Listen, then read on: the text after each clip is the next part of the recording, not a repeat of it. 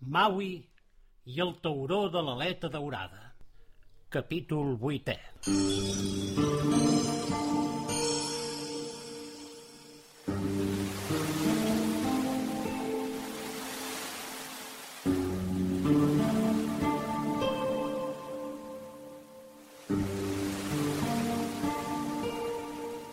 Després d'una bona estona de navegar, i quan apenes Maui divisava la fràgil silueta del poblat retallada damunt l'horitzó, va veure aquell remolí de sorra blanca que s'enlairava cel amunt i que després venia cap a ell. I el remolí de sorra blanca va engolir la barca i per uns moments Maui va sentir una esgarrifança i tingué el convenciment que l'esperit de Kaupo o Àpia el posseïa i ja mai més el deixaria. Després, el núvol va seguir el seu camí a l'hora que Maui desplegava la vela i amb llàgrimes als ulls i cantant una de les moltes cançons que li havia ensenyat la remeiera, emprengué rum al desconegut. El meu destí és el meu destí Tindré de tots la companyia. Cadascú fa el seu camí, tots aprenem dels que ens estimen. El meu destí és el meu destí. Record m'endú per companyia. Cadascú fa el seu camí, tot aprenent del que ens estima. I mentre Maui navegava sense saber del cert en quin rumb, al palau dels déus del mar es van encendre totes les alarmes. La notícia havia arribat a través de les botzines dels cargols de mar que hi havia repartides per tot l'oceà. Maui tornava a navegar amb l'esperit inquiet i el desig de pescar un tauró d'aleta daurada. Els savis de Palau desaconsellaren emprar la mateixa fúria que desfermaren aleshores, quan el noi, amb dotze anys, es va endinsar al mar sense témer res i res que l'aturés. El collar de petgines el protegia. És més, aquest collaret posseïa encara un nou poder que Kaupo hi havia afegit – les escates d'una palmera guaridora que segregava una mena de mixtura amb propietats altament curatives, quasi miraculoses. Havien de pensar quina era la millor manera de desbaratar les intencions de Maui. Solament calia trencar la seva voluntat perquè ell mateix desistís de l'aventura. Aleshores, un dels savis va proposar manllevar-li els queviures i l'aigua – un mortal sense menjar i beure enmig de l'oceà no pot resistir gaire temps. Decidits a actuar, feren uns preparatius perquè les sirenes s'acostessin sigilosament a la barca i cantessin cançons per fer dormir el noi. Un cop adormit, els tentacles dels pops farien la resta, escolant-se per dintre de la barca i enduent-se-li la bossa de menjar i el barril d'aigua. I mentre Palau es feien els preparatius, Maui seguia navegant.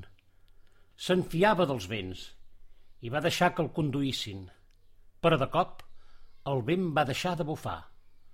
La barca es gronxava enmig d'una calma absoluta i el mar semblava una bassa d'oli.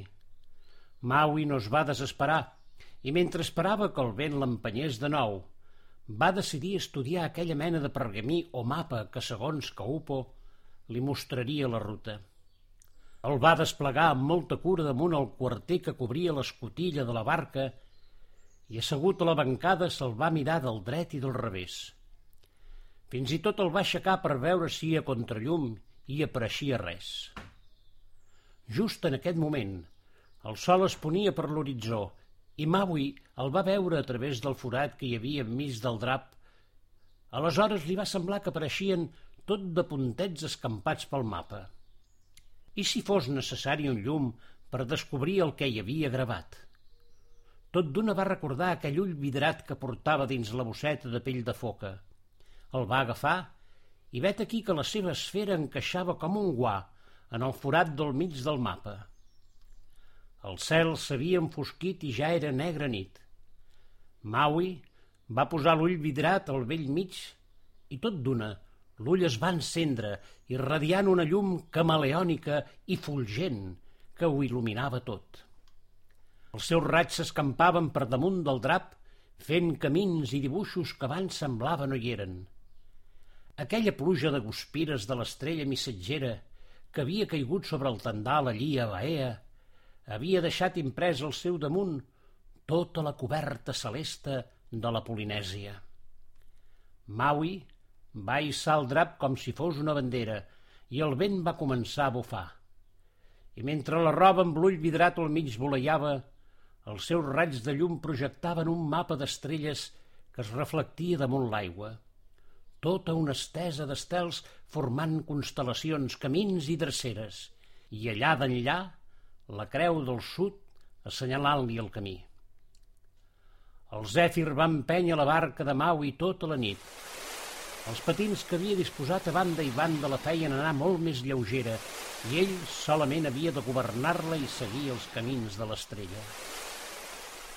De cop i volta va veure que babor i estribor l'acompanyaven un bon estol de balenes blaves. Els seus lloms brillants apareixien i desapareixien una i altra vegada, i cada cop que ho feien, dels seus espinacles hi sortia l'aigua a pressió. Eren velles columnes blanquinoses escumejants que s'enlairaven fins ben bé als 12 metres d'alçada i quan deixaven de rajar i quedava un núvol d'aigua per damunt la barca que deixava ben xop el seu patró. Maui mai no havia vist balenes.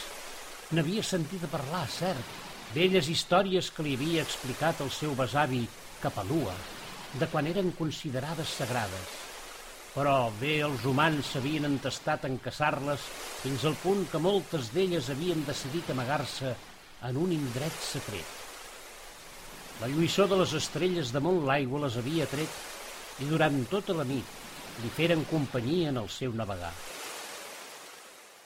A l'endemà, i amb la llum del sol, l'estelada ja no es veia damunt l'aigua i tampoc la manada de balenes.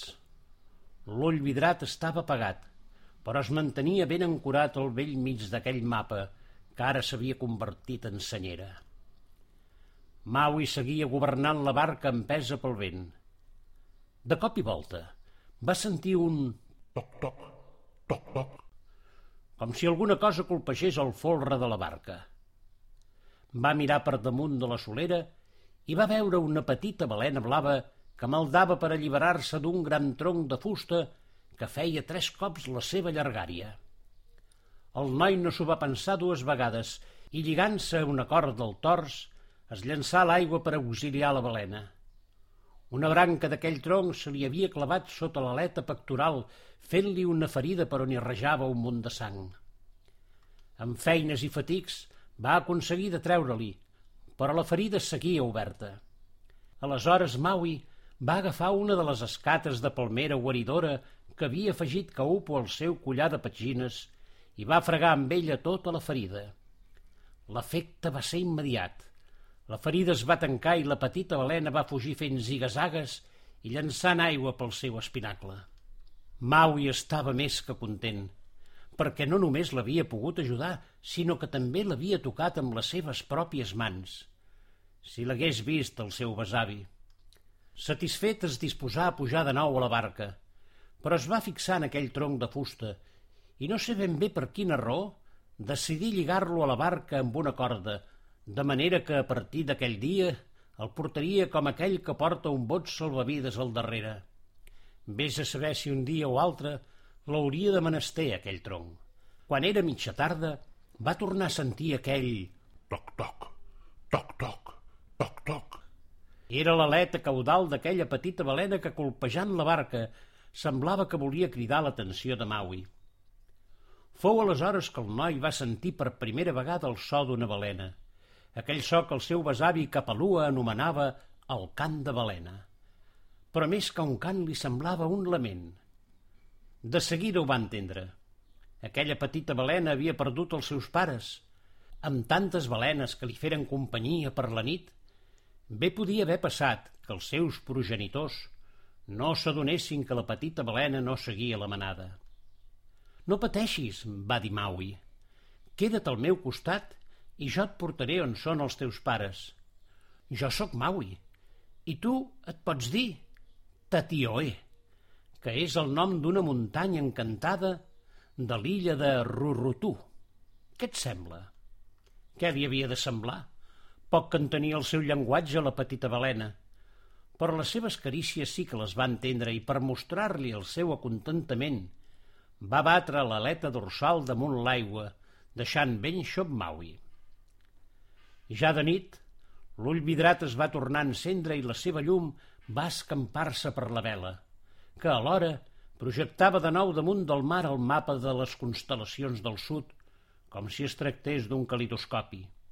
I allí, en l'horitzó, la creu del sud, assenyalant el camí. Però la petita balena semblava que volgués anar cap a una altra direcció. On vols anar, Tatioe? No és aquest el camí. I sí que l'era.